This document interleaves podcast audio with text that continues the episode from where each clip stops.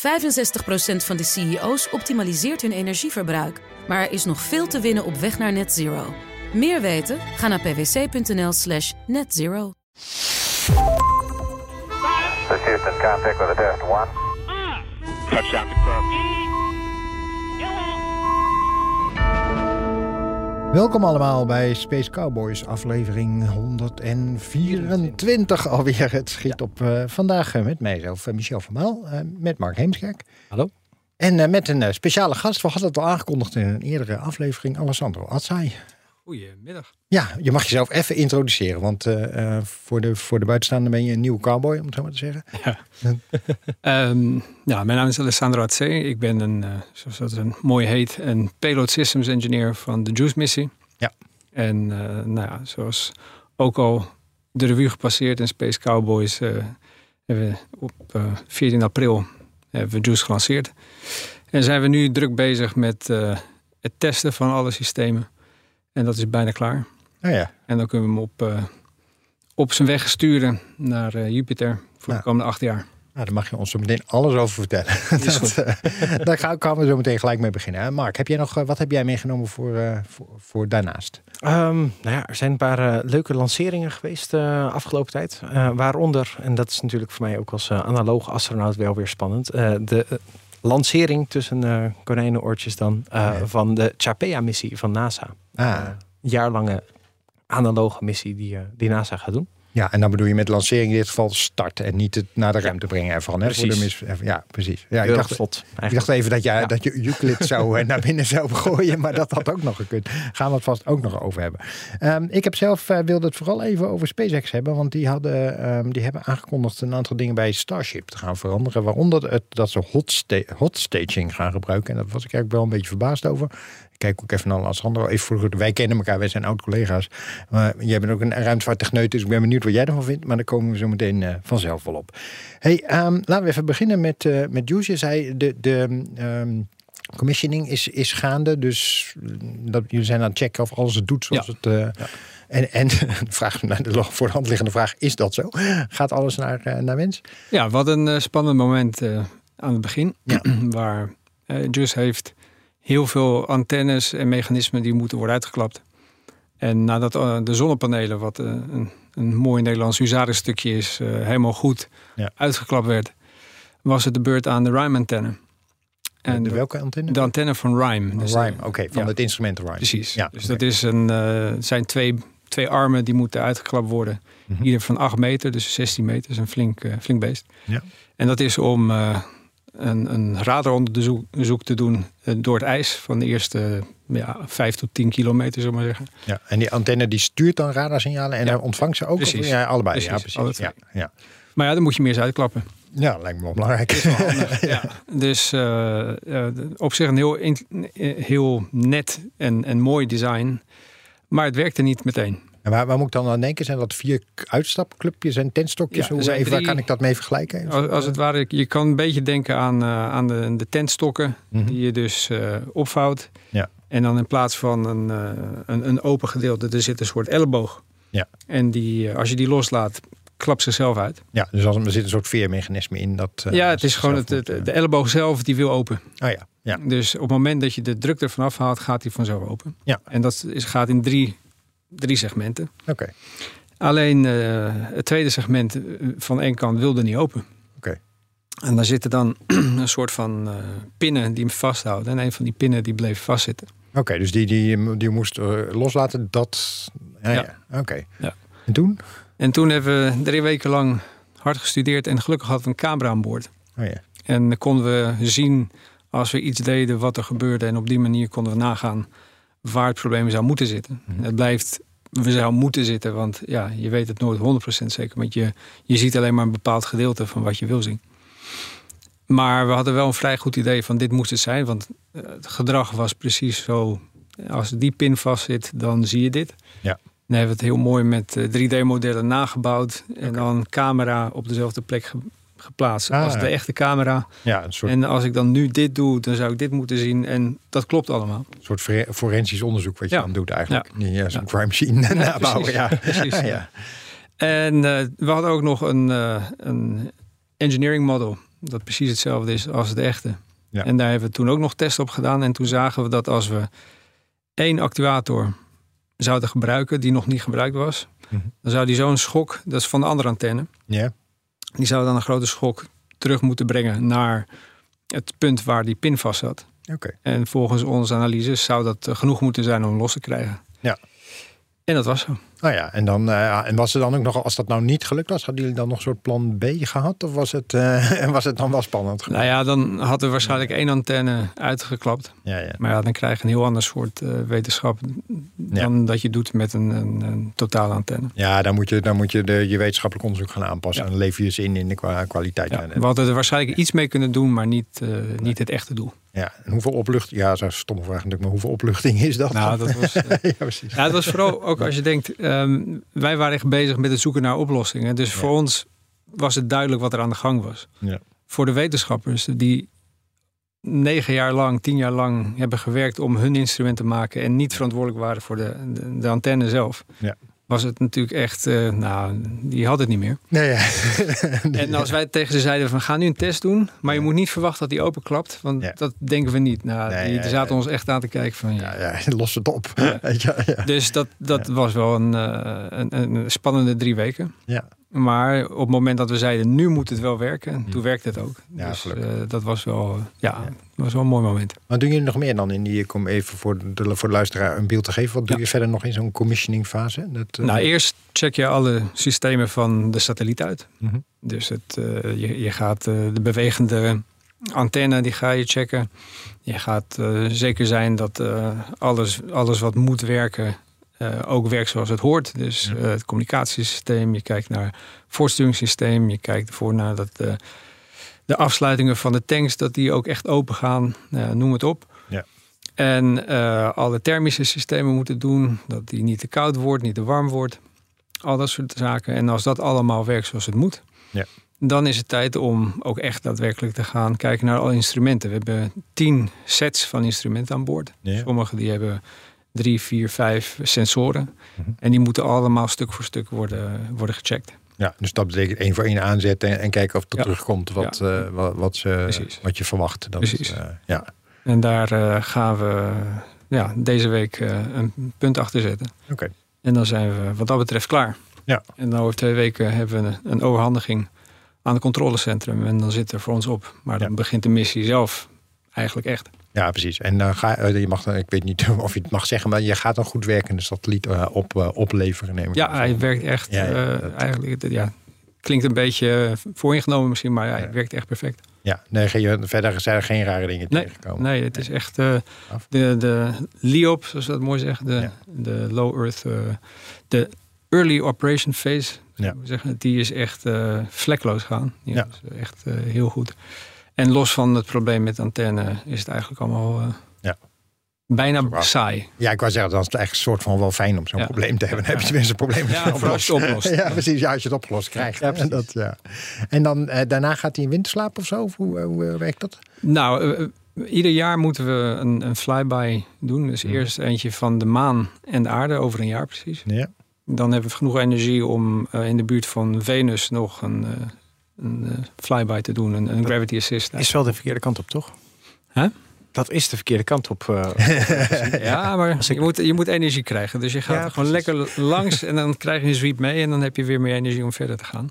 Ja. Maar het is gewoon, de Ariane 5 die is heel krachtig, maar niet krachtig genoeg om zo'n grote satelliet als JUICE. Hè, dus, eh, ja, bijna 6 ton aan, aan satelliet die, die naar Jupiter moet. En ja, dan heb je niet genoeg energie van de, de Ariane zelf. Ja. En die moet je dan van de, van de planeet halen. Ja. Dus, eh, en, en zelfs vanwege de lanceerdatum moeten we zelfs langs de maan eerst.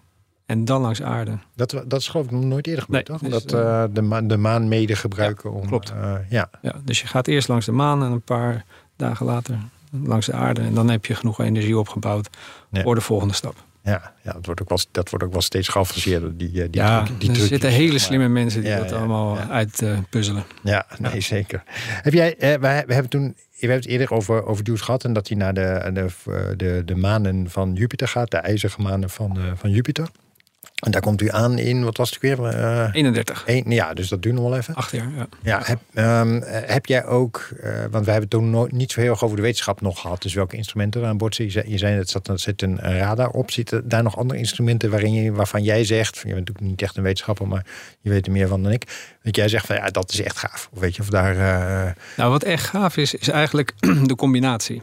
Het is echt de grootste ja, suite, zoals we dat noemen, maar de grootste groep instrumenten die ooit eh, naar planeet gestuurd is. Dus het is echt een combinatie van ter plekke onderzoek eh, doen. Dus dat is echt deeltjes om te, om te snappen van hoe is het eh, de, de geladen deeltjes, dus, dus het ma- elektromagnetisch veld rondom Jupiter en hoe wordt dat beïnvloed door de maan zelf. Ja. En dan hebben we ook eh, systemen om te kijken dus naar het oppervlak. Ja. Dan heb je het dus al snel over de radar, maar je hebt het ook over radio science, zoals we dat mooi noemen, waarin je kijkt naar hoe het oppervlak, de zwaartekracht zich aanpast eh, afhankelijk van waar je overheen gaat. En je kijkt van hoe, hoe verandert het signaal dat ik uitstuur. En dat geeft dan een indicatie van de veranderingen van het, eh, het zwaartekrachtsveld. Ja. We hebben spectrometers aan boord. We hebben camera's aan boord. eh, eh, we hebben laser hoogtemeters aan boord. Het is een hele, eh, hele suite aan, aan, aan instrumenten. En magnetische Ja. instrumenten. Die dus heel nauwgezet het, het enorme magneetveld van Jupiter in kaart brengen. En al dat samen leren we gewoon heel veel nieuwe dingen over Jupiter. En, en dat is gewoon wat het zo spannend maakt. Omdat het gewoon... Het zijn geavanceerdere instrumenten. Dus ze hebben een betere resolutie. Maar daarbovenop krijg je dus ook dat je ja, allerlei dingen tegelijk gaat, samen, eh, gaat bekijken. Ja. En als we daar zijn, komt ook Europa Clipper. ja, Die, die komt er zelfs nog ietsje eerder dan wij. ja.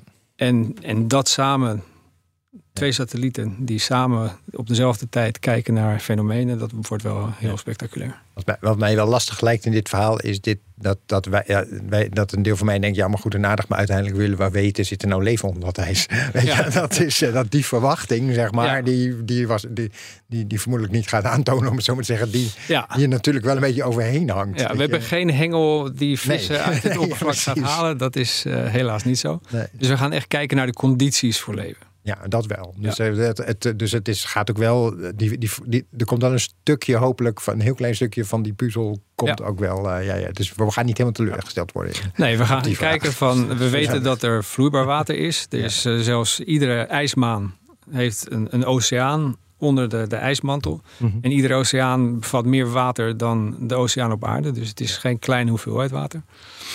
En ja, als we dan ook nog de bouwstoffen van op zijn minst leven zoals wij het kennen. Want je hebt natuurlijk, Ja, ja. leven kan heel anders zijn dan, dan wij gewend zijn. Dus, maar je moet ergens beginnen. Ja. Dus we gaan dan kijken naar de bouwstenen voor leven zoals wij het kennen, of dat er is. Mhm. We weten dat er vloeibaar water is. Vanwege de, de energie van, van Jupiter die ja, eh, de, de zwaartekracht varieert. En op die manier trekt het de manen uit elkaar. En dan krimpen ze weer, gaan uit elkaar. En op die manier krijg je wrijving. En dat, eh, Ja. en dat zorgt voor hitte.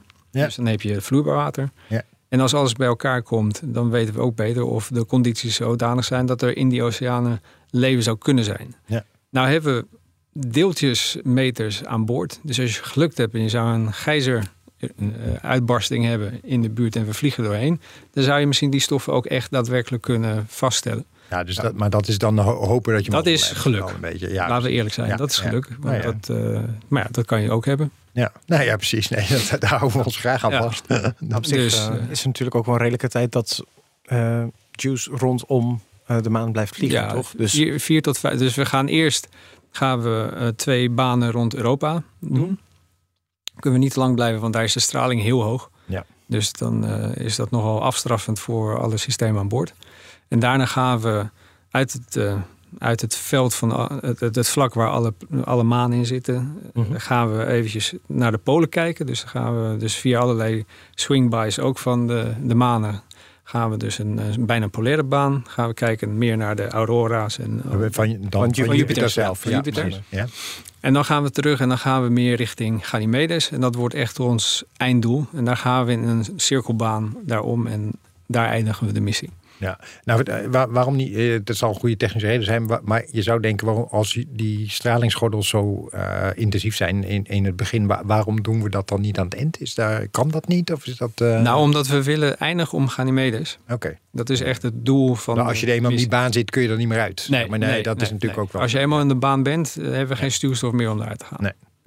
En is dat, eh, en is, want dit, deze missie heeft altijd een levensduur. En ik heb altijd geleerd, weet je, dat dat vaak een financiële levensduur is. Weet je, niet, niet zozeer gekoppeld aan, de, aan, de, aan of de satelliet nog iets kan. Is, zit hier potentieel nog verlenging in? Of is het dan wel op een gegeven moment echt klaar? Het, het hangt helemaal vanaf hoeveel stuurstof we gaan gebruiken voor de manoeuvres. We zijn door Ariane 5 perfect gelanceerd. Ja, dat dus dat heeft bekend. ons. Dus Ja, de, de tanks staan helemaal vol nog. Dus dat is al een hele mooie. Dus we hebben een standaard eh, baan aan het einde van 500 kilometer. Mhm. En we hebben nu genoeg stuurstof aan boord voor de originele wens van de wetenschappers van 200 kilometer. Dus Ah, dat, is, dat is al een heel mooie. eh, Ah, oké. Dus En- dat, dat was een, een trade-off geweest. Ja. Dat als je veel had, eh, dan had je, dan had je een minder gunstige baan om Ganymedes gekregen. Oh, Dus de wetenschappelijke return van een 200 kilometer baan is hoger dan een 500 kilometer baan. Ja. Ja. Ja, kan De resoluties. ja, dat is logisch. Ja, voorstellen inderdaad. oh, ja. Die gaan er ook vandoor. Ja, ja, precies zo. Ja, je gewoon bij. Dus, Ja. Ja, want wat ik ook zo cool vond van, eh, van Ganymedes... is dat het ook een, een eigen magnetisch veld lijkt te hebben, toch? ja. Eh, naast de aarde en, ehm, en Mercurius is het de enige ja, eh, hemellichaam in ons zonnestelsel dat een magneetveld heeft. En dat is een van de redenen dat we daar ook inderdaad eh, meer onderzoek naar willen doen. En dan met een, met een vaste grond. Tenminste, Ik Ja. dacht dat Jupiter Ja. namelijk ook een, een magnetisch veld had. Of, of dat niet? Ja, oké. oké, ja. Ja. Ja, eh, Ja, Jupiter zelf is... Land op eh, Jupiter is gewoon wat lastig. Ja, Ja, ja, ja, ja. Ja. Ja, het land is misschien wel goed. Het veilig landen is misschien... Ja. Ja, Jupiter is gas, dus daar op een gegeven moment houdt het op. Ja. Ja. Dan wordt het een crunch. Ja, Ja. oké. Ehm, heb- wil je nog iets? Ga, ga jij, ben jij op een gegeven moment hiermee klaar? Even om, we gaan zo even over naar de, de volgende onderwerp. Ben je, is het punt, voor jou een punt dat jij iets anders gaat doen? Of blijf je tot 2031 dit doen? Ja. 18 juli. 18 juli. Ja, Oh. Dan geven we hem aan het controlecentrum en dan eh, ga ik op zoek naar een nieuwe baan. En dan, eh, dan zit jouw taak erop, Ja. zeg maar. Ja, natuurlijk wel in de gaten houden en, en volgen, maar Ja. Oké. Ja, dan, eh, dan op, op jacht naar een, het volgende project binnen, binnen ESA. Dan klopt. Ja. Want het daadwerkelijke wetenschap vergaren... wat dus op zich pas vanaf 2031 gaat zijn... dat wordt dan door ook het controleteam gedaan? Je hebt, je hebt twee centra. Je hebt eh Mhm. ESOC, dat is in Duitsland. Die, Mhm. die, kon, die, die voeren alle ja, manoeuvres uit en die, Ja, die bedienen alle instrumenten en alle onderdelen. En je hebt ESAC, Mhm. dat is in Spanje. En die plannen alle wetenschappelijke missies. Dus die praten met de wetenschappers en die plannen dan... op dit moment gaan we deze instrumenten aandoen, op dat moment die. En die moeten dan alle beperkingen in de gaten houden. Want als wij helemaal bij Jupiter zijn... hebben we nog maar 1 25ste van de intensiteit van de zon. Ja. Dat is ook de reden dat de zonnepanelen van Juice zo enorm zijn. Het is bijna 90 vierkante meter aan zonnepanelen. Ja. Die uiteindelijk 800 watt, niet eens een Nee. laten. ja, precies. Dus eh, je moet alles wel goed, goed plannen. En aan het einde van de missie heb je meer eh, degradatie van de zonnes- eh, zonnecellen vanwege die straling. Dus dan heb je sowieso al minder. Dus dat moeten ze allemaal haarfijn uitzoeken van wat kan samen.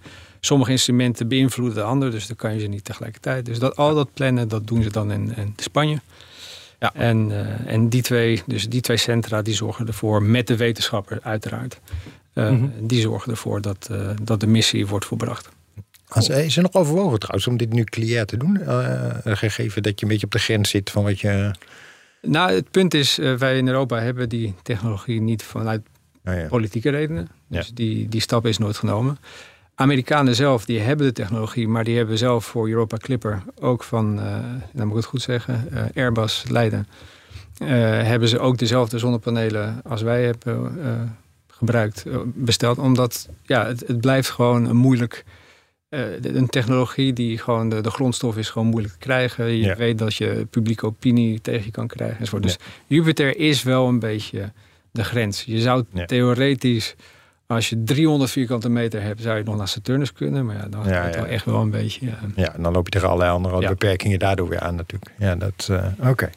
Hey, eh, we, als, als we, nog iets over kwijt wil, maar anders zou ik zeggen, we hadden het al, we, we, we bejubelden Ariane 5 al. ehm, ehm, en dat, dat niet alleen eh Juice eigenlijk pinpoint op de goede plek, maar ook eh, bij James Webb wa- waren de wetenschappers ook al zo super blij, zeg maar, omdat de levensduur door de, de hele precieze injectie al eh, zo verlengd was. Ehm, maar we nemen dit op op eh, woensdag eh, 5 juli. En als het goed is, staat hij vanavond. Hij was eigenlijk afgelopen nacht. Maar Hij had vannacht, Ja. afgelopen nacht moeten worden gelanceerd, maar hij staat nu voor mij- middernacht vannacht. Ja, ik dacht vanaf half twaalf of zo. Of Ja. die rond, rond die tijd eh, vanavond gaat eh, eh, 261. Dat is altijd zo mooi. Dat heeft een nummer. Ja. Eh, de aller, allerlaatste Ariane 5. Ja, ik, ik persoonlijk heb daar zo, ik, sowieso weemoedgevoel bij. Hoewel ik gisteren om redenen wel blij was dat ik nieuw voor op te blijven. Omdat ik ooit met mijn stageproject bij de allereerste Ariane 5 betrokken was. Eh, wat eh, heb jij met, heb jij iets met, eh, de, de, met je raket, eh, zeg maar? Ja, dus een schitterend. Ik bedoel, ik ben sowieso een, eh, mijn, mijn opleiding was ik eh raket eh, voortstuwing eh, was mijn, eh, mijn hoofdvak. Dus, eh nou, Ja, ja, ja. ook. dus eh, we begrijpen elkaar. Ja, zeker. Dat- Maar eh, ik moet zeggen, eh, als je daar dan ook bent en je ziet die raket staan van relatief dichtbij. Ja. Eh, en je, je kijkt omhoog. Ja, relatief dichtbij, van een paar meter. Nou, Ja, ja. Dan besef je hoe enorm zo Ja, je zo'n staat naast- is. je staat gewoon na- naast een kerktoren. Ja. Dat is, eh, ja, dan is best 50 meter hoog. En, en als je dan bedenkt dat uit, uit dat beest zo'n precisie komt. Ja. En zo- zo'n betrouwbaarheid. Ja, ja, dat is En- wel, ja. En, en gewoon hoe die mensen dat, dat helemaal in de, in de vingers hebben. Ja, dat is, eh, dat is schitterend. En het, het is de aard van het beestje. Je moet op een gegeven moment naar de volgende generatie. Maar het blijft Ja. altijd jammer als zo'n goed werkend systeem eh, de, de, zijn laatste vlucht heeft. Ja, het is, het is in feite natuurlijk gewoon een centkwestie. Weet je, dat, eh, het moet steeds goedkoper kunnen. Weet je, nou ja, goed, de SpaceX heeft de lat met Falcon 9 natuurlijk wel echt heel erg hoog gelegd nu. Dat, eh, ehm, dus in die zin is het wel begrijpelijk. Maar inderdaad, ik heb ook wel weemoed hoor, moet ik zeggen. Eh, ik heb hem één keer zelf omhoog zien gaan overigens. En dat. Eh, ehm, ja, het, ja, is, ja, het is altijd indrukwekkend, maar bij deze vind ik het helemaal. eh. En we hebben inderdaad een, eh, een, een streak van, ik weet niet hoeveel feilloze lanceringen het waren. Ik hou het niet meer bij. Het is echt. Het eh, is sinds volgens mij, de, de, de- sinds de tweede was er één probleempje geweest ergens. En die, Ja. en die was niet eens fataal. Dus Nee. ja, dat, dat is natuurlijk gewoon een fantastische, fantastische track record. Nou ja, mocht u luisteraar online zijn vanavond nog maar half twaalf. Het is vast online streaming te volgen. Ik ga er denk ik toch maar even voor wakker blijven. Ik- denk ik. zeker. Die, eh, overigens gaan er volgens mij gewoon twee communicatiesatellieten mee omhoog. Niet, niet zo heel... eh, ja, ik eh, geloof militair ook. eh, Nee. ja. ja, niet, niet, en op zichzelf niet, zo- niet zo heel opmerkelijk verder. En dat, eh, maar goed, het is de allerlaatste Ariane-lancering. Daarmee ook wel voorlopig de allerlaatste Europese lancering. Dat is het, eh Ja. het bitterzoete ervan. Want eh, Ariane 6 had ik eh, even snel opgezocht. Die wordt verwacht eh, begin eh, 2024. Q2 staat er eh, dan nu op Wikipedia. Ja, en de Q2 dat loopt ongeveer tot november. Hè? Dat Ja, is in dat- ruimtevaarttermen, zeg maar. lijkt mij ook. ja. Maar dan is inderdaad wel een beetje de vraag van... eh, stel, dan gaan we daarvan inderdaad eh, de eerste raketten omhoog zien gaan eind 2024. Betekent dat dan dat Europa zelf eigenlijk niet de ruimte in kan tot en met die tijd ook? Ja, en dat is wat het betekent. Want eh, de, je hebt ook nog de Vega. eh, de- Mhm. Maar die is ook op dit moment... eh daar was trouwens een nieuwtje over. Die... ehm, eh, ze zijn bezig natuurlijk de laatste keer dat Vega lang C gelanceerd werd, hadden ze een probleem met een nozzle insert. Misschien weet jij beter, jij, en gezien mijn- mijn vakgebied was baanmechanica, weet jij iets beter waar dat over gaat. Maar volgens mij het, het smalste stukje van de, van de motor. Die, eh, daar was iets mee en die hebben ze vervangen. Ja, de erosie was te hoog. Dus wat er eigenlijk gebeurde was is dat je hebt een beschermde laag op die, die, die neuskegel of eh, op die, eh, op die, die motoruitgang, zullen we zeggen. En Ja. in het smalste gedeelte, daar, daar heb je de hoogste doorstroom en de hoogste temperaturen. En dat is dus zodanig heet geworden dat het, het, het materiaal verder heeft afgebladderd, zullen we zeggen, dan de bedoeling was. Ja. En eh, dan gaat het hard. Ja, en dan raak je, dan raak je heel, veel, heel snel heel veel vermogen kwijt, neem ik aan. Omdat je dan niet meer, zeg maar, al de rest van de uitlaat ook eigenlijk niet meer doet waar die voor gemaakt Nee, hij, is. hij Dat, haalt eh, niet meer de, de prestaties die hij moet doen. Nee. En dan, eh, en dan haalt hij het niet. Nee, nee precies. Nou, dat, maar dat hadden ze vervangen. En volgens mij zat, was daar ook eigenlijk al die oplossing lag volgens mij zelfs al wel een soort van klaar. Althans, er was geloof ik een alternatief. al van tevoren waren er twee opties. Dus nou, ze konden Mhm. op zich door met die ander. Alleen nu hebben ze in 29 juni bekendgemaakt dat ze een proeflancering hebben gedaan met, met die, opnieuw met diezelfde motor. Nou, die, een, eh, proef van, van de motor zelf. ja, ja, geen dus, lancering. ja, nee, sorry, ja, geen lancering. Je hebt gelijk gewoon een, grond, een grondtest als het ware eh, gedaan hebben, maar dat die ook niet gelukt was. En wat ik daar wel een beetje zorgelijk aan vond, is dat het niet dezelfde reden had. En dat is, dan heb je namelijk een nieuw probleem. Ik weet niet of jij. eh, Ik weet er verder niet eh, het, het fijne van. Nee, ik, eh, nee. Maar goed, dat betekent, nou ja, dat weet je in de praktijk, dat betekent altijd dus meer vertraging. Weet je, Ja. dus ja, dan Ja. duurt het langer voordat, eh, voordat die. eh, en daar werd nu, wordt nu ook gesproken, ges- eh, ge- gesproken over het, het, het eerste kwart van 2024. Wat in, ja, Ja. is een running gag voor mij, en altijd doorloopt tot in november. Ja, dus ja, precies. het is nou, niet gezegd natuurlijk, maar, de, maar dat betekent wel dat je nou ja, het risico loopt dat je misschien wel een jaar niet kunt lanceren. Ja. Dat, Of dat dan toch ook commercieel moeten gaan eh, omhoog schieten. Nou ja, dat is ook wat er gebeurt, toch? Met, de, Ja. nou, we kunnen dan misschien even meteen het bruggetje naar Euclid maken. Want, Ja. eh, Dat is misschien wel een goede inderdaad. ja, want die ging op, nood, eigenlijk noodgedwongen volgens mij op Velken. Ja, daar was er wel een andere reden. Die was eigenlijk op de Soyuz gepland. Oh ja, ja. ja en de ja, Soyuz is, ook voor nog- politieke redenen niet Ja. meer beschikbaar. Ja, die was natuurlijk ook, eh, die zijn in de samenwerking vanuit Frans Guyana waren die met z'n drieën, zeg maar, het hele pakket aan raketten. En die kon ook niet meer. Dus ja, in die zin is het wel een beetje een sombere toestand. Ja, het is, ook, het is, het is, eh, het is apart. Ja. En ook pech. Ja. zeggen. Dat kan gebeuren, maar het is dan wel extra zuur als het eh, alles bij elkaar komt. Precies. Ja. Nou ja, hopelijk eh, reden om er extra gas op te zetten. En ook meteen dan dat hele herbruikbare. Heb jij, heb jij daar zicht op trouwens? Is, is Ze zijn in Europa nu met... ja, Ja, je dus moet wel, Niet voor zes. Maar Nee, ze zijn wel nu bezig met herbruikbare motoren, herstartbare motoren. En, en ook eh, de technologie ontwikkelen om dus herstartbaar. Punt wat, wat wel belangrijk is om te beseffen. Is als je, en ik, het blijft schitterend als je die, die Falcon boosters terug ziet komen. Ja. Maar dat betekent dat je wel heel veel stuurstof extra aan boord moet hebben om dat te kunnen doen. Ja. Dus voor missies in een baan om de aarde, prima. Maar als je dus naar de missies eh, ver weg à la Juice, nou, dan, dan heb je daar niks aan. Want die stuurstof die heb je echt nodig om iedere meter per seconde uit de raket te halen. Nou is het mooie van Velken natuurlijk wel dat het een keuze is. Weet je, je Ja, kan, je kan je besluiten kan, om ja. niet terug te komen. Weet je, dan krijg je, weet je, wat is, ik heb geen heel veel procentje er dan bij krijgt. Maar dat, ja, je eh, zal wat meer betalen, maar dat, ja, Ja. en, eh, en zeker. optie is eh. Ja, dat grappige is dat je op een gegeven moment ook kan zeggen van nou dit, eh, dit we hebben, want wat mij echt wel positief voor, ik vind ik knap hoor, maar eh, eh, en dat geldt niet voor, eh, voor alles wat SpaceX doet, maar hier wel. Dat je de mm, ehm, eh, dat, dat die ook zo vaak herbruikbaar is en dat ik tot eigenlijk tot nu toe niet echt heb gehoord dat dat probleem oplevert. Weet je, dus eh, voor mij hebben ze al, ik weet niet waar, welke, hoe vaak ze al zitten, maar voor mij boven de tien of zo dat ze die dingen eh, kunnen gebruiken. Dus je kunt op een gegeven moment ook, als dat heel betrouwbaar blijkt, op een gegeven moment zeggen van nou deze is wel is nu ongeveer wel tegen loopt tegen het eind van zijn Ja. betrouwbaarheid aan. Dan zet je die op een missie die niet terug hoeft te komen. Weet je, en dan groot, natuurlijk grote voordeel natuurlijk van, van wat ze doen is ze, ze hebben zoveel lanceringen, soms één per week. Ja. Eh, de statistieken je snel genoeg op. Ja, nee, die, je, je, je betou- toont heel snel aan dat je Ja. betrouwbaar bent. En dat is inderdaad eh, voor een an- andere types raketten heel, heel veel, eh, duurt veel, heel veel, heel veel langer. Inderdaad. Ehm, maar goed, dat, ehm, eh, dus inderdaad, eh, eh, de, de, ja, Europa staat even droog. Dat is eigenlijk de conclusie. En dus moet je soms nou ja, naar de collega's.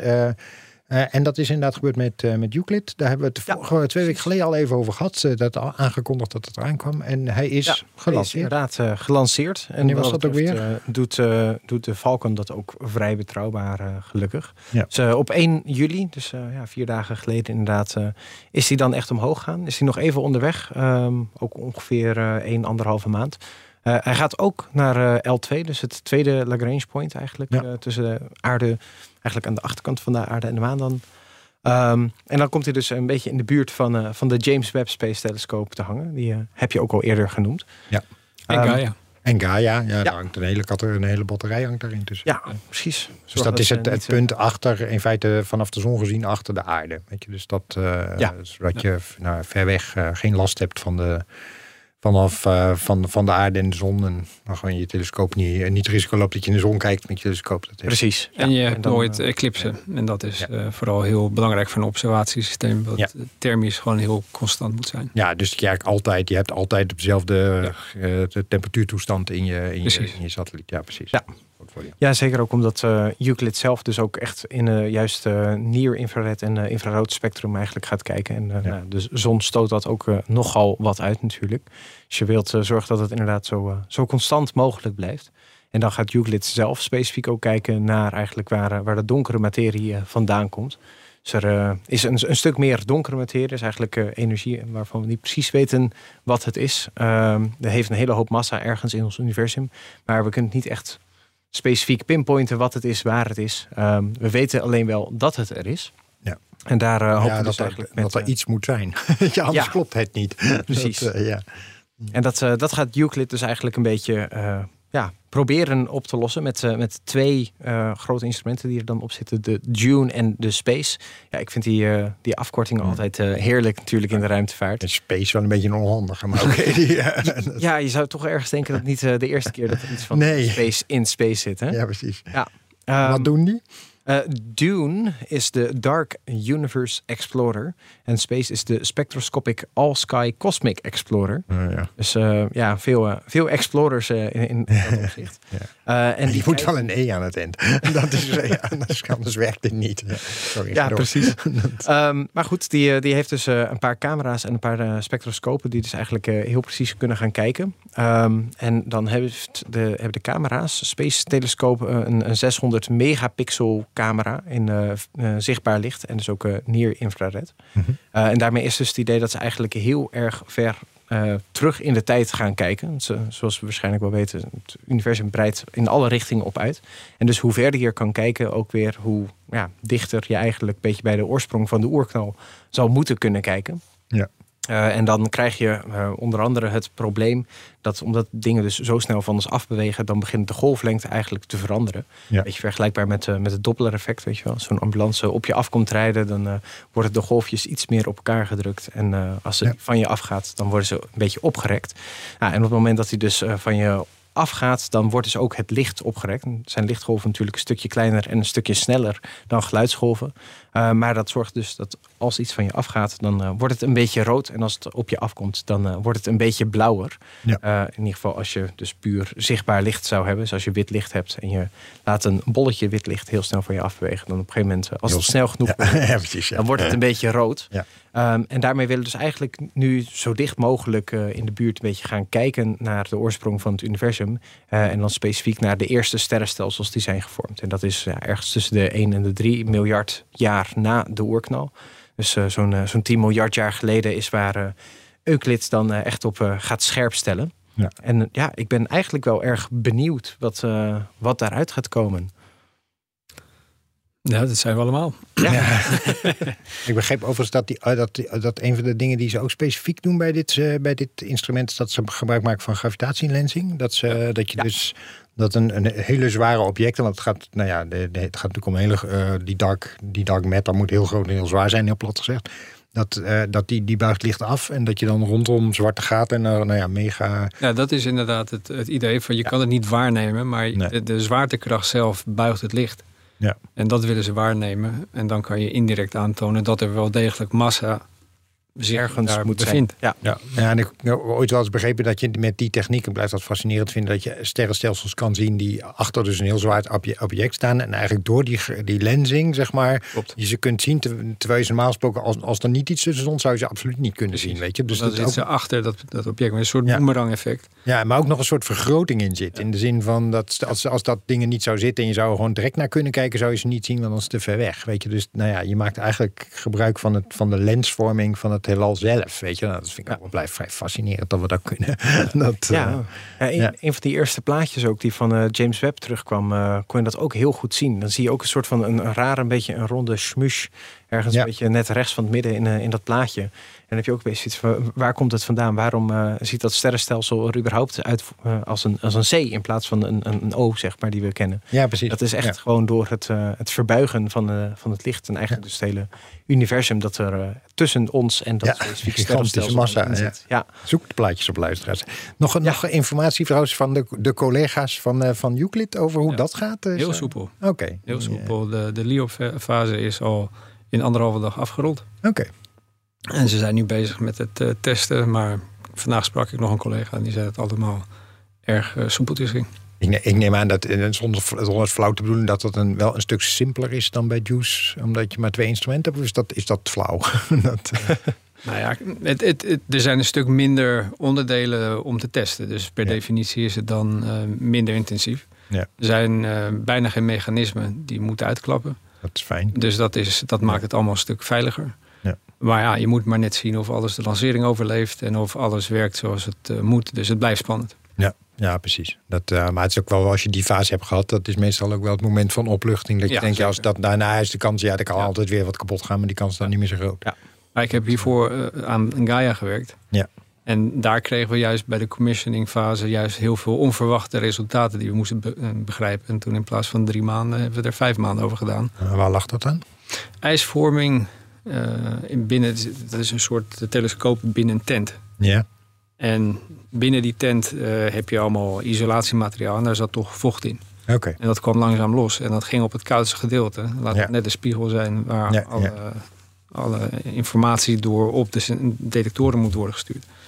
En dus met tijd werd, die, werd er meer ijs opgebouwd en werd het signaal zwakker. Ja. Voordat je dat door hebt, Waar dat dan ligt. bedoel waar dat aan ligt. Hebben, we, hebben we toen niet die, die boel een beetje opgewarmd weer om dat te laten verdampen? Precies. Ja, nu je het zegt, er gaat een laadje open Ja. in mijn hoofd. Dat, eh, maar ja, voordat je dat besluit neemt, moet je wel heel Precies, zeker weten dat dat het je- probleem is. Dan weet je dat je op dat moment eh, moet je weken wachten voordat je stabiel genoeg bent. Dus echt leuk Ja. is het niet. Maar Nee. uiteindelijk wisten we wat het was. Maar te- voordat je dat door hebt, dan. eh, Ja. En dat je als je daar een mensje hebt die gaat kijken, dan zie je het snel. Als je alleen maar gegevens hebt, telemetrie hebt, ja, dan moet je Ja. maar net weten waar je op moet letten. Ja, die net niet helemaal kloppen met wat je verwacht. Ja. dan zoek, eh, weet dan maar zeker dat je, je verklaring ook daadwerkelijk de goede verklaring is. Ja, en dan kan soms de, loop je het risico dat de, de oplossing zeg maar, meer ellende veroorzaakt. Dan dat als je de verkeerde dat. oplossing voor de, of de goede oplossing voor het verkeerde probleem hebt. Weet je, dan loop je het risico dat je, Klopt. dat je nog weer verder van huis bent. Ja, leuk vak is het toch. Oké, dat, eh, maar goed, dit even terzijde. Eh, volgende. Ik weet niet of je had je iets meegenomen. Verder nog een ander onderwerp? Nou, we hebben ze eigenlijk al Ja, nee, laten dan, eh, dan praat lekker mee. Dan, eh, Nou, zo- een andere die eh, eigenlijk dan eh, twee dagen terug nog in de, in de, de groep ook werd gedeeld door uh, mede Space Cowboy Nick, eh, Nick Poelstra. Mhm. Ehm, die eh, zag een leuk artikel, eh, een kort artikeltje op nu.nl voorbij komen over een eh, nieuwe publicatie in Nature Astronomy. Eh, en dat ging er dan over eh, dat kort na de oerknal eigenlijk de tijd een soort van vijf keer langzamer liep te lopen dan, eh, dan dat we dat nu hebben. En da- daarop komen dan natuurlijk ook weer een beetje de grapjes van, eh, ja, ja, het voelt ieder jaar alsof het Ja. steeds sneller gaat, Ja, weet je wel. Nou, herkenbaar. uiteindelijk is dat enigszins uh, natuurkundig uh, Verklaarbaar. Ah, gelukkig. Ja, uh, een van de dingetjes die ze dus daar uh, al jarenlang eigenlijk in hadden, en dat ze, hebben ze tijdlang ook de, de quasar-paradox genoemd, Ja. uh, was dus dat de, de allereerste sterrenstelsel, of eigenlijk een soort van de, de zwarte gaten, de quasars uit uh, heel vroeg universum, dus toen het echt 1 miljard jaar oud pas, was. Ja. Dus uh, ja, relatief natuurlijk. Uh, dat zijn, dat zijn even voor de. Dat zijn een soort vuurtorentjes in de ruimte die, die op een pulsmanier. Of zijn dat pulsars? Dat, zijn pulsars. Oh, die we uh, wat, wat doen quasars ook Quasars weer? zijn uh, eigenlijk uh, zwarte gaten waar een wolk van sterren die er eigenlijk een soort van -hmm. voor altijd in wordt gezogen. Ja omheen zit, waardoor je daar een, uh, ja, een heel raar, uh, ja, bijna een, een, wit gat soort van uh, hebt. Waar okay. dus heel veel licht vandaan komt. Uiteindelijk ook natuurlijk licht naar binnen toe uit verdwijnt. Maar ja. op dat laatste moment dan heb je dus al die sterren die daar heel dicht in de buurt zitten. Of soms is het gewoon gas, hoeft niet eens een ster te zijn. Ja, die dus heel, heel veel kunnen groeien. Ja, Oké, helder. Quasi-stellar. Het, be ja. het, het uh, gedraagt zich bijna als een ster. Ja, check. Oké, okay, ga door. Ja. Dat, uh, dat wist ik weer niet. Oh, grappig. Ja, leren, leren allemaal. Ja. Um, ja. En dus uh, een, een, tijd lang hebben ze daar eigenlijk niet... Uh, daar, daar, heb je dan weer de, de redshift in gezien... die ze dus uh, hadden moeten zien. En daarom werd het dus een, een paradox genoemd. Dat als oh, ja. inderdaad het universum sneller dan het licht zou moeten gaan uitbreiden... wat we nu in ieder geval denken dat het doet... Um, en dan licht. Uh, ja, de, de, de, ruimte zelf, die, die, omdat die eigenlijk alle kanten ja. op expandeert, okay. ja. kan het dus zijn dat op het moment dat je naar rechts kijkt, dan gaat het ongeveer met de lichtsnelheid naar buiten. Ah, en dan, naar dan links kijkt, ja. dan gaat het ook ongeveer met de lichtsnelheid naar buiten. Oftewel, uiteindelijk dijt het sneller dan de lichtsnelheid uit, maar dat is de ruimte zelf. Dus binnen de ruimte kan je inderdaad niet sneller gaan mm. dan de lichtsnelheid. Ja, ja, maar alles is relatief. De, de ruimte zelf weer wel. Dat is um, geruststellend, ja. En, en daarmee hadden ze dus eigenlijk zoiets van uh, we, we, moeten hier een veel grotere beweging in zien. Op het okay. moment dat uh, eigenlijk vanaf het begin af aan uh, de hele ruimte al zo snel zou moeten uitbreiden. Uh, en dat is eigenlijk jarenlang is dat niet gevonden. Okay. Um, en uiteindelijk is dus nu gepubliceerd in Nature Astronomy dat ze aan de hand van bijna 25 jaar lang aan allerlei grondobservaties van bepaalde quasars, die dus echt op nou, ongeveer 10 tot 13 miljard lichtjaar ver weg staan hebben ze toch inderdaad uh, dit soort processen soort van in slow motion kunnen waarnemen. Ja. Wat er dus op voor zorgt dat het hele proces moet worden opgerekt op een of andere magische manier tussen hier en de quasar. Mm -hmm. Die dus miljarden jaren zo heeft geschenen. Of op het moment dat het dus daadwerkelijk zo gebeurde, dus ja. afspeelde, uh, again, miljarden jaren geleden en heel veel verderop, ja. uh, dat het toen daadwerkelijk langzamer bewoog. Ja. En dat eh, heeft dan weer met de relativiteit te maken. Dat eigenlijk op dat moment hadden we alle massa van het universum dat nog Ja. veel dichter bij elkaar zat. Ehm, en zoals we misschien wel weten, als je dicht bij een punt met hele grote massa komt, dan heb je een tijdsdilatatie. Dus dan gaat de tijd voor jou, eh, eh, hoe heet dat, objectief waargenomen, gaat dan langzamer ten opzichte van een objectieve waarnemer die buiten het zware zwaartekrachtsveld staat. Hetzelfde heb je op het moment dat je heel snel eh, in de buurt van de lichtsnelheid gaat komen. Ja. Dus als je met eh, 9,9 eh, 99,99% van de lichtsnelheid gaat, dan eh, gaat de tijd heel veel langzamer voor jou. Dus dan heb jij het idee dat er maar een uurtje voorbij is geweest. Overigens trouwens, eh, als een klein intermezzo eh, in de praktijk eh, van het vakker, ehm, eh, ook eh, bij, bij eh, navigatiesatellieten, eh, dan moet je dat gewoon compenseren. Je moet dat Ja. corrigeren. Als je dat niet doet, dan heb je helemaal niks aan je navigatiesignaal. Dus het is, het is zelfs wel praktischer. Weet je, niet alleen maar in de science fiction is het relevant, maar gewoon in je telefoon ook. Ja, dat, ja, eh, precies. Maar dat is snelheid, dat is geen zwaartekracht. Dat, eh, Precies. ja. En dat, eh, dat komt omdat Ja. ja. de satellieten gaan een stuk sneller dan, dan jij op aarde. Ja. En uiteindelijk is dat natuurlijk maar een heel klein procent. Maar ja, uiteindelijk gaat het echt om nanoseconden ongeveer... die er tussen het signaal van de satelliet en jouw telefoon zitten. Ja. Ehm, en ja, dat, daarop lokaliseer je inderdaad jouw Ja. afstand tot verschillende satellieten. En kan je jezelf dus Ja. jouw plaats bepalen. Of je- jouw telefoon. De meeste mensen kunnen dat zelf niet natuurlijk. Nee, ja, precies. Eh, Redelijk ingewikkeld rekenen. ja. Maar even, even terug naar, de, naar die quasars. Want ik begrijp dus, al- want ik, ik, ik, toen ik het zag, toen, eh, toen dacht ik gewoon interessant. Maar ik heb eerlijk gezegd niet gelezen. Jij wel, dank je. Die, dat, het is echt gebaseerd op waarneming. Het is niet alleen gebaseerd op een theoretisch model. Zeg Ja, maar. Dus het En is- hiermee is het eigenlijk weer een, een, Ja. een nieuw deel van het theoretisch model, eigenlijk weer gebaseerd Ja. helemaal op Einstein. Die dus inderdaad over een hele relativiteit van het universum had, Ja. eigenlijk. Ehm, is daarmee weer een soort van aangetoond dat het toch wel klopt. Ja, ja. En de En, man eh, had eh, wel vaak gelijk. Behalve bij kwantumverstrengeling. Maar Ja. dat is een heel ander onderwerp. Oké. Dat is eh, ja, een, een, een cool Spannend. nieuwtje. En dat komt eigenlijk best wel dus toevallig ook weer goed samen met de lancering van Euclid. En die kan dus ook tot een, een, een, een ja, wat ze dan een redshift, redshift waarde of een, eh, roodverschuiving van een factor 2 noemen. Dus Ja. eigenlijk dat eh, inderdaad alles twee keer zo snel eh, teruggaat. Dus dan zit je inderdaad ook weer rond de 10 à 11 miljard jaar geleden. Dus echt een stuk dichter bij, Ja, bij de Dus oorsprong. mogelijk zou je dan nog meer waarnemingen krijgen die hier ook bij kunnen helpen. Dat, eh, En dan misschien zelfs van de eerste sterrenstelsels. Anders dan alleen van de quasars. Ja. Dus Spannend. Nou, spannend. We gaan het, Precies. we gaan het volgen. Ehm, eh, de, ik, ga geen, ik weet geen bruggetje, maar eh, eh, wat ook leuk is, laat ik het nou zo even doen, is ehm, eh, dat In- Ingenuity is back. Ik weet niet of jullie hem Ja. gemist hadden, Ja. maar ehm, eh, ik vond het wel leuk om, om, om te zien. Hij was eh, 63 dagen stil. Ze waren hem, nou, niet dat ze hem kwijt waren. Wat ik begreep eh, ze laten hem eigenlijk gewoon een stukje vooruit vliegen.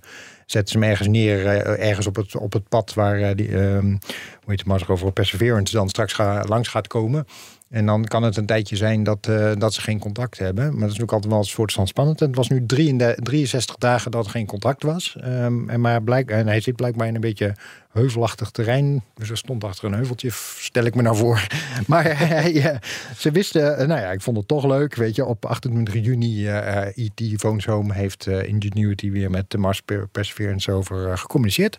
En hij, hij is er nog en hij doet het gewoon nog. En dat blijft natuurlijk wel echt verwonderlijk voor. Voor, voor een helikoptertje dat een paar dagen had moeten werken, Ja. is dat niet verkeerd. Is het echt wel, het blijft, ja, ja je blijft er toch, ja, kan nog niet anders dan bewonderen, bewondering Absoluut. hebben voor, voor hoe dat dingetje eh, gewoon eh, ijzer, ijzeren heinig gewoon doorgaat. Dus eh, dit was volgens mij, wat was het, de 52ste vlucht die, eh, waar- waarna die ze hem dus een tijdje kwijt waren. Niet dat ze heel bezorgd waren trouwens hoor. 52ste vlucht en eh, er komt gewoon een 53ste vlucht. Maar volgens mij zijn ze even aan het wachten tot... eh, eh, tot eh, Perseverance weer, weer een stukje verder is. En dan eh, vliegt hij eigenlijk als een soort trouwe hond vliegt hij vooruit. Dat is een beetje het idee. En dan moet hij even wachten op de baas. Dat, nou, ik blijf het toch een leuk concept vinden. Als we het toch hebben over Mars en Ja. Eh, Mhm. Mars Express heeft net zijn 25ste verjaardag gevierd. Ja, die, we hebben het volgens mij zelfs over de livestream nog even gehad. Ja, maar, over, maar inderdaad over het lang volhouden. Ja. Weet je, die, wat was daar ook weer de, de, de officiële lifetime van? Vier jaar. Ja, kan je nagaan. Ja, ja, en dan zie je maar vaak is het een geldkwestie, weet je. Dat, eh, ja, dat vind ik dan wel het verschil bij, bij zo'n bij een satelliet. Als die het eenmaal doet, dan blijft hij het wel doen. Maar dit is natuurlijk wel een ding iets met... wat heel snel in elkaar gedraaid is van eh, snel, snel En dat nu nog werkt is wel indrukwekkend. Is dat zo? Is dat snel in elkaar knijpt? Dat, eh, Dat, was een express missie. Oh, zo ja. Ja, in de tijd dat, eh, ja. Ja. precies. Dat het nog eh, niet, al, niet al te duur en dat moest snel. Dat, ja, dan is het helemaal knap. Ja. Ja, ja, respect, zeggen we nou. Oké. Eh, jij had nog iets gelanceerd in de eh, iets, te, Ja. iets te lanceren wat geen te geen. denken, Want er was nog één, eh, één ander dingetje. Eh, nu je het over eh, e- expressmissies hebt en een beetje snelle missies. Eh, Ja. Daar is onder andere de India's ruimtevaartorganisatie ISRO ook doorgaans best wel goed in. Oh. Eh, ze hebben onder andere en, eh, bij een paar mensen ook eh, het nieuws weten te halen met hun Mangalyaan-rover. Mhm, sorry, Orbiter. Dus de, de orbiter die naar Mars is gegaan en daar eh, rondjes heeft gevlogen. En die heeft dat ongeveer voor eh, de helft van het geld gedaan als eh The Martian. Als in de film met Matt Damon. Die was twee keer zo duur dan daadwerkelijk iets naar Mars sturen. Wat ik wel weer een, een leuke fun fact vind. Ja. Ehm, Zegt me jou voor hoe duur zo'n film is. Maar dat even terzijde. dat ook. Ehm, maar die gaan ook terug naar de maan eh, met de Chandrayaan eh, En dat wordt ook eh, de eerste keer dat India op eh, de maan wilt gaan landen en gaan eh, rondroveren. Ja. En daarvan hebben ze de lanceerdatum nog niet helemaal bekendgemaakt. Maar ze hebben nu wel een lanceerwindow gezegd. En dat is eigenlijk volgende week al. Ja. Ehm, 12 tot 19 juli hebben zij ongeveer een week zichzelf de tijd gegeven om inderdaad Chandrayaan 3 dan te gaan lanceren. Ehm, waarin ze dus ook wat in situ analyses willen gaan doen van, van het maanoppervlak. Ja. Ehm, wat ja, eigenlijk alleen maar hartstikke cool is. Ja. En eh, ja, helaas hebben we dus nog niet echt een, een, een datum waarop we kunnen zeggen tegen de luisteraars van eh, dan even kijken naar een, eh, een livestream. Maar ik neem aan dat dat ook nog wel op het nieuws te zien zal zijn. Ja. Maar ik dacht toch even een, een, een leuk feitje tussendoor. eh, want Ja, ja, het, is, het is ook een leuk feitje waar nog een klein Nederlands invalshoekje in zit trouwens. Omdat die, die Chandrayaan, en hij is volgens mij vertraagd. Hij had al een aantal, voor mij een tijd geleden gelanceerd moeten worden. En ik mij al een paar jaar geleden. Maar goed, even, ik weet niet meer of, of dit is de volgende. Dat is een opvolger volgens mij. is een opvolger. Oké, dan was het met die tweede. Dat, die, eh, dat daar nog best wel lang gekeken is of die, eh, de, de, de Zebro-rover van de TU Delft. Die hebben zo'n eh, zo'n eh, rovertje gemaakt wat in allerlei moeilijk terrein kan. En daar hebben ze ook een spaceversie van.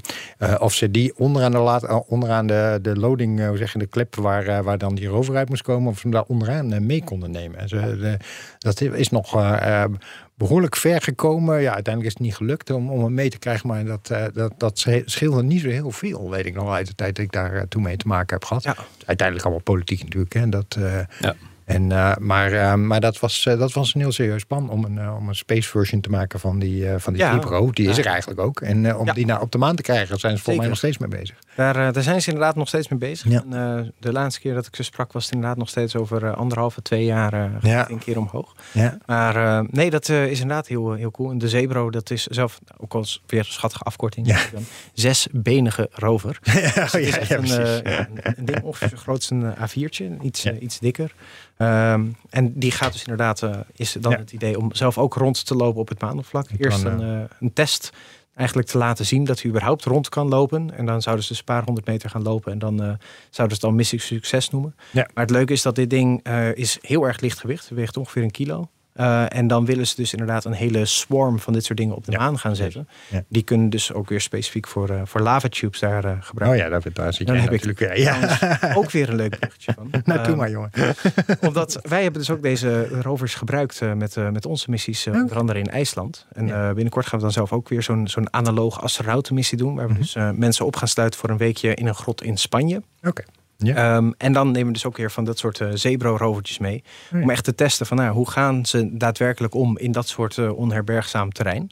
Eh, en dan gaan we ook juist een beetje tests doen van hoe kunnen zij samenwerken met mensen. Dat Ja. is natuurlijk het idee dat de mensen ooit ook weer eh, op de maan rond gaan spoken. En Ja. dan dus samen met de, de rovertjes gaan rondroveren misschien wel. En bouw je, dan, Eh. bouw je dan ook een band op met zo'n ding, als het ware het. En dat, eh, ja. Dat, dat is een van de dingetjes die we gaan kijken. Ja, Maar goed, daarmee heb ik dus wel het bruggetje inderdaad naar het artikel wat ik helemaal aan het begin al heb genoemd. De. Chapea-missie van, van NASA.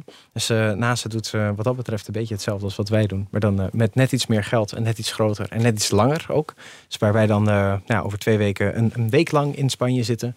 eh, gaat NASA iets meer dan een jaar vier mensen opsluiten. Of eigenlijk hebben ze al gedaan. Dus op eh, 25 eh, juni hebben zij de deuren dicht gedaan Mhm. eh, van een 3D geprinte Mars-habitat. Eh, dus het hele ding is echt met eh, een 3D-printer eigenlijk gebouwd. Ja, de, de binnenkant dan net niet helemaal, maar de muren wel.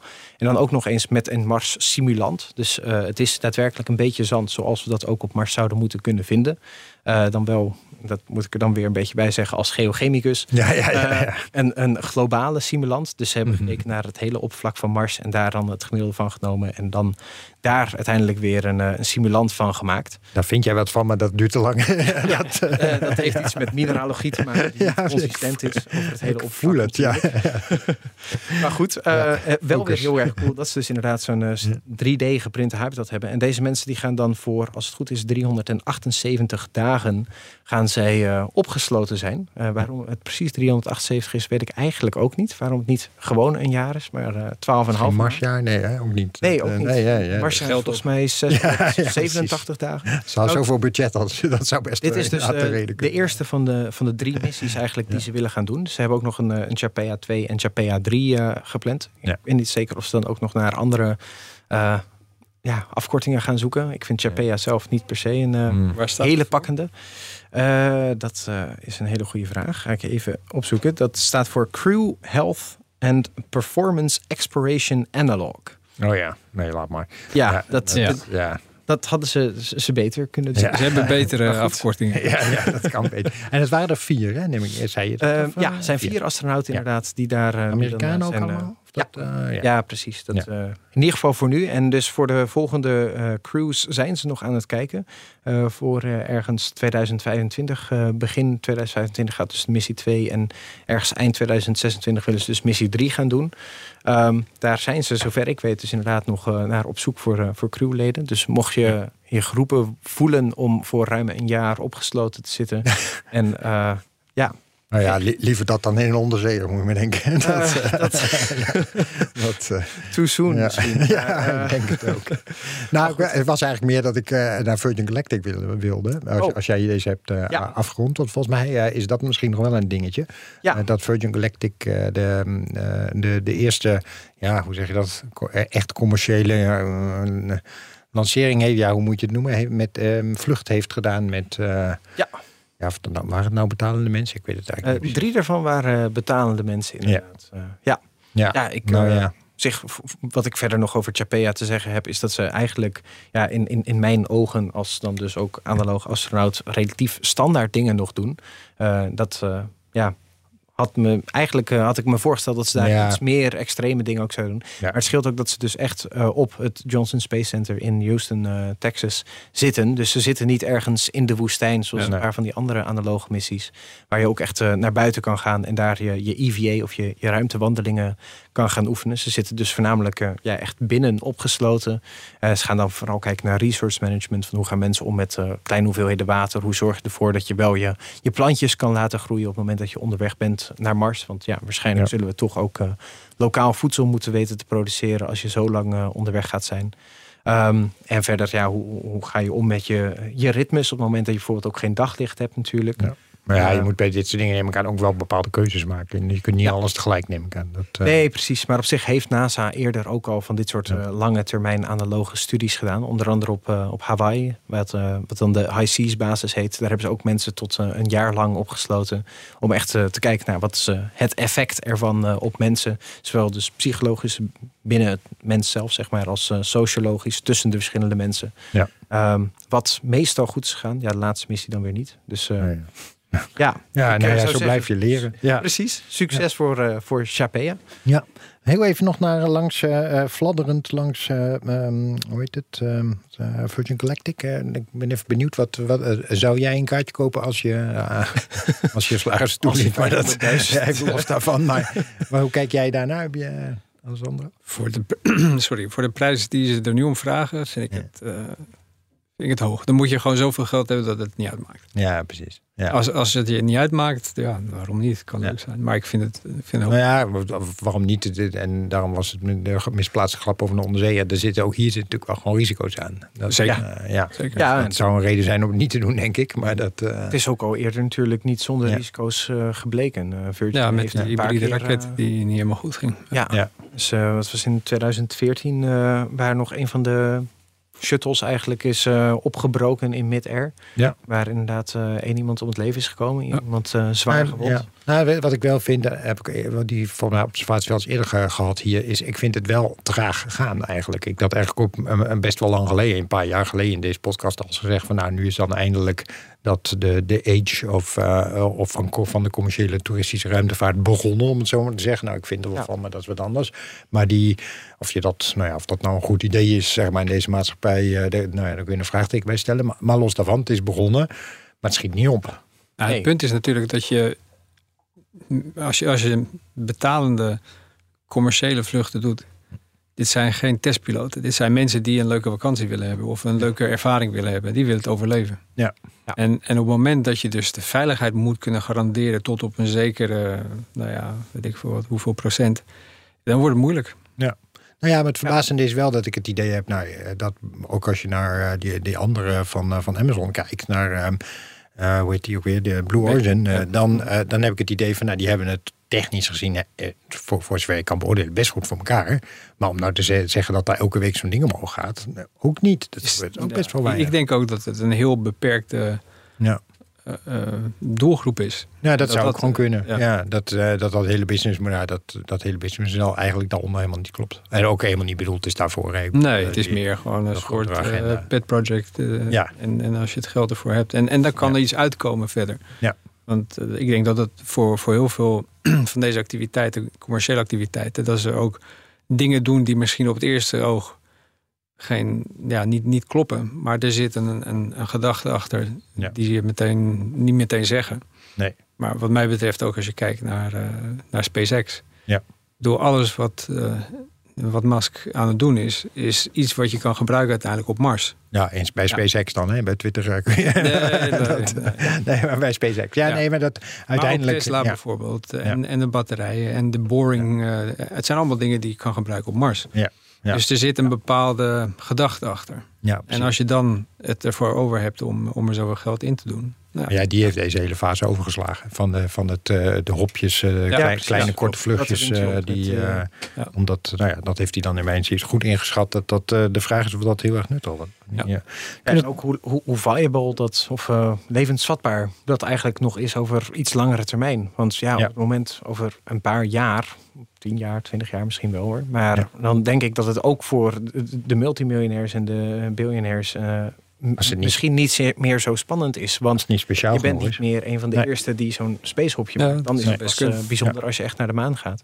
Nou ja, in Dat, eerste eh, instantie natuurlijk als jij de toerist bent die, die een rondje om de, ruim, in, om de aarde mag maken. Ja, dat, vind ik, dat, dat voelt voor mijn gevoel ook nog wel echt bijzonder. Ja. weet je? Dat, eh, maar goed, dan heb je een ander prijskaartje. Maar als je toch een geld te veel hebt. Dat, dat hopje, dat is, eh, eh, ja, daar denk ik ook van. Nou, als ik daarmee op een feestje moet komen. Weet je, en dat, eh, ja, en als, als dat dan vervolgens saai is, moet je naar de maan. En zo blijf je bezig. Dat is Ja, precies. En dan eh, ja, Ja. moet ik het nog zien. Of zo'n eh, zo'n eigenlijk vliegtuigje met een eh, raketmotor. Wat eigenlijk een beetje de, de Virgin Galactic. Natuurlijk uh, Ja. oversimplificeer ik het dan ja. eh, heel erg. Maar goed, ik ben tenminste geen engineer. Dus ik, eh, ik mag het nog een beetje. Eh, Vooruit, zeggen we dan. dat, ja, daarmee ga je de maan ook niet, niet redden. Nee. Dus, Nee, met die, aan die technologie heb je niks. Die is Nee. niet schaalbaar. Dat, Nee. dat doen, wat dat betreft, Blue Origin en SpaceX natuurlijk een stuk beter. Over SpaceX gesproken, en dat, want ehm, eh, we moeten een beetje vaart maken. De, ehm, ze zijn druk bezig, zo, zoals we ook wel eens eerder hebben aangestipt, met de, de volgende eh, Starship-lancering. Nou, de eerste, dat weten we, dat was een, eh, een gedeeltelijk succes, we maar even zeggen. Eh, maar gaf ook wel heel veel gedoe rondom eh, nou ja, wat het aan, aan, aan overlast opleverde en stofstormen. En, nou ja, en opeens had je geen lanceerplatform meer, dat is niet heel handig. Dus ze hebben aangekondigd dat ze ongeveer duizend, vind ik best wel veel trouwens, veranderingen in de, in, de, in de setup van, voor de volgende de Starship lancering gaan doen. Eén daarvan, en daar hebben we het ook wel eens over gehad, heeft te maken dat ze dus van onderaf water omhoog gaan spuiten tegen de motoren aan om die grond te beschermen. Ik heb er een filmpje van gezien. Ik vind dat best daar is best goed over nagedacht. Ik denk, nou, ik ben heel benieuwd hoe dat werkt. Weet je, heb jij, uh, heb, je, heb hier zicht op? Is dat... Nou ja, kijk, het, het, water is er ook om de, de trilling op te vangen. Ja. Dus dat is, als je kijkt naar de, de gewone lanceervoertuigen, bijvoorbeeld ja. Ariane, heb je dat deluge system. Ja, maar dan pleur je gewoon een hele bak water. Een hele bak water keer en dan, ja. dan absorbeer je ook de, de trillingen die dan niet helemaal uh, in volle kracht uh, bij. Ja, en de, de hitte en het stof natuurlijk uit, voor een deel ook. Ja, maar het, het, is vooral, het, het, is vooral om echt het, het akoestische gedeelte op te vangen. Mm -hmm. En uh, ja, ik denk dat het wel helpt. Maar ze, ja, ze hebben natuurlijk een hele andere aanpak. En ja, ja. ik denk in hun achterhoofd denken ze ook van... er zit een halfbakken plan om overal te laten landen. Ja, kijk, als je gaat... op ieder landingspunt een enorme flame trench moet bouwen... Ja, dat gaat ook niet. Dus. Nee, dat wil niet. Nee. Maar ja, of dat nou... nou... Dat, maar dat hele idee met een soort plaat met 100 graden... waarin je een onder hoge druk water omhoog spuit... Ja, om, om die vlam als het ware in, onder controle te houden, zeg maar. Nou, dat, dat is wel weer aardig. Dus, ja. uh, maar waar ik mij over verbaasde, en ik ben uh, als, uh, Sandro benieuwd naar wat, je, wat jij, goed jouw gevoel daarvan zei, is dat ze overgaan naar hot staging. En dat is wel een beetje gek, even voor de, voor de mensen die er niet helemaal in thuis zijn. Dat is het idee dat je de, de, de tweede trap alvast start, terwijl de eerste trap nog brandt, terwijl ze echt nog aan elkaar zitten. En dan, dan ontsteek je de, de, de trap al. Dat gebeurt bijvoorbeeld bij Soyuz. dat kun je ook zien als je zo'n Soyuz-raket ziet, dan zit dat tussen de eerste en tweede trap zit een soort dus daar zit ja, een soort hekwerk als het ware waarmee die twee dingen aan elkaar zitten. Want ja, die vlam die moet weg. Weet je, op het moment ja. dat ze nog aan elkaar zitten, moet die vlam daaruit. Um, alleen, het is gevoelsmatig echt een soort heel ouderwetse manier om dit probleem op te lossen. Want je voorkomt daarvoor dat door, daardoor dat je. Um, uh, dat je een tijd even gewichtsloos bent, waardoor al je brandstof aan de verkeerde kant van je tank zit. En dan, uh, nou ja, dan, dan stuurstof. Ja, stuurstof, sorry, dankjewel. stuurstof aan de verkeerde kant zit. En dan, nee, ja, ik word hier gecorrigeerd. En dan ben je op, uh, dan ben je op dat moment, komt er niks meer uit de pijp, om het zo maar even te zeggen. Maar we hebben al honderd andere oplossingen ervoor. En Musk claimt dat, dat die hot staging 10% performance extra oplevert. Ja, je, je hebt natuurlijk ook dat moment dat, dat de motoren uit zijn, ja. dan verlies je natuurlijk ook op dat moment wat snelheid. Ja. Ik zou de, de berekening wel willen zien alleen, want ik ja. vind 10% klinkt... Uh... Ook wel veel, ja, ik echt volsmatig denk dat lijkt me echt veel te veel. Dat, uh, maar vooral, ik bedoel, de technische problemen die je krijgt op het moment dat je dat doet. Eh, zeker op het moment dat je raket herbruikbaar is. Want ja, je, je, je, je zet de onderste trap, stel je volgens bloot aan, die, ja. aan de vlam ja. uh, van de bovenste En er zit trap. stuurstof in. Ja, nou ja, dat, ofwel hij moet nog landen bedoel je. Ja. Dus hij kan ook nog ontploffen. Dat is even plat gezegd. Ja. Ik vind het echt een rare keuze. En bovendien ook het argument van ja, we doen dat, dan heb je 10% extra performance. Inderdaad, ik was ook, ik denk ook, nou, ik geloof er niks van. Maar het tweede is, op dit moment is performance ook helemaal geen probleem. Ik bedoel, het ding is zo overgedimensioneerd. Weet je, dat.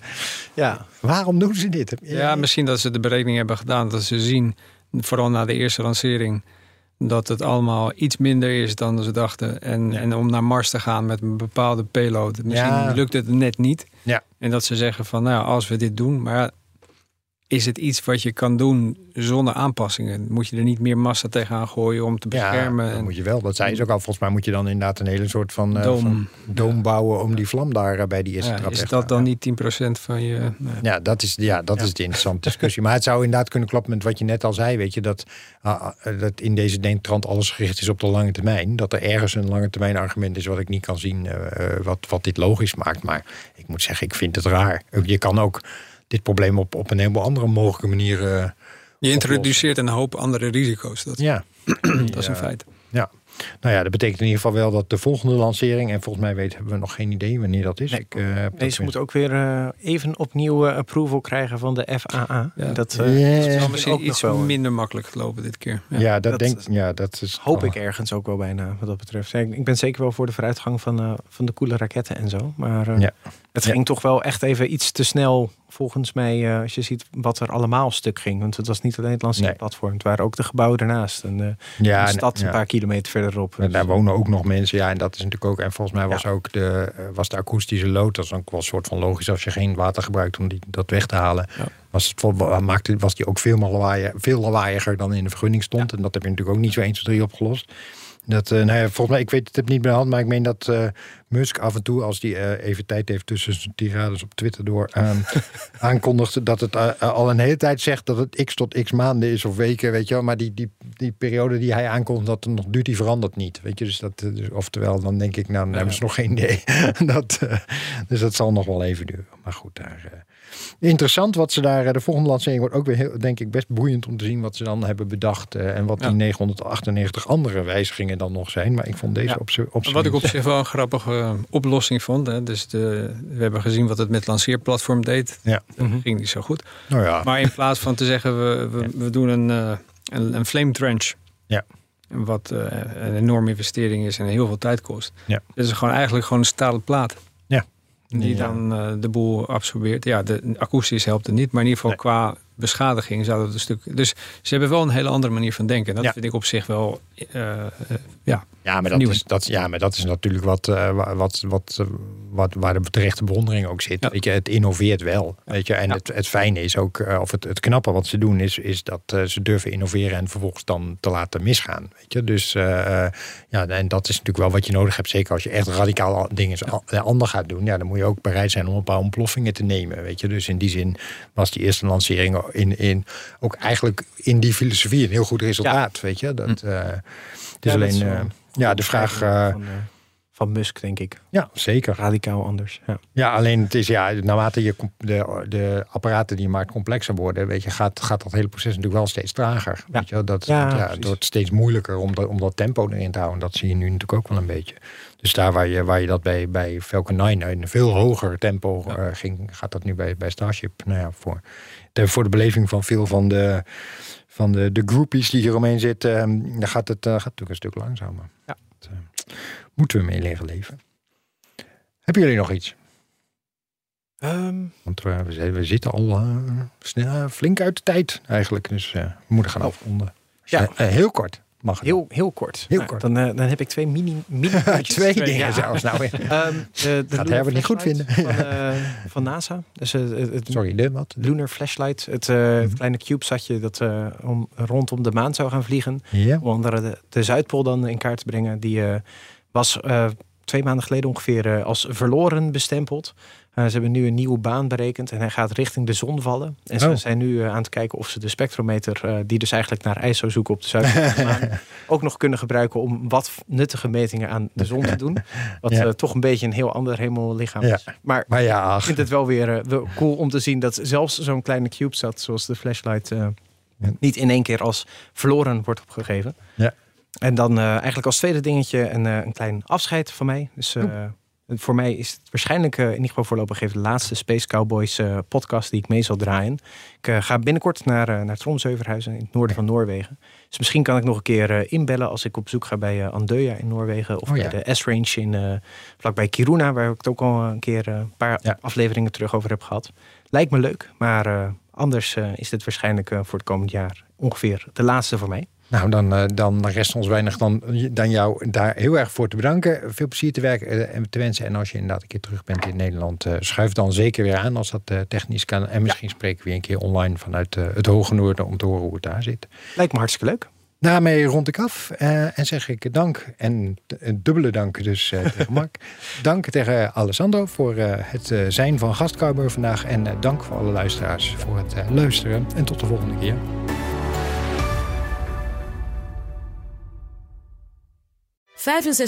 van de CEO's optimaliseert hun energieverbruik. Maar er is nog veel te winnen op weg naar net zero. Meer weten? Ga naar pwc.nl slash netzero.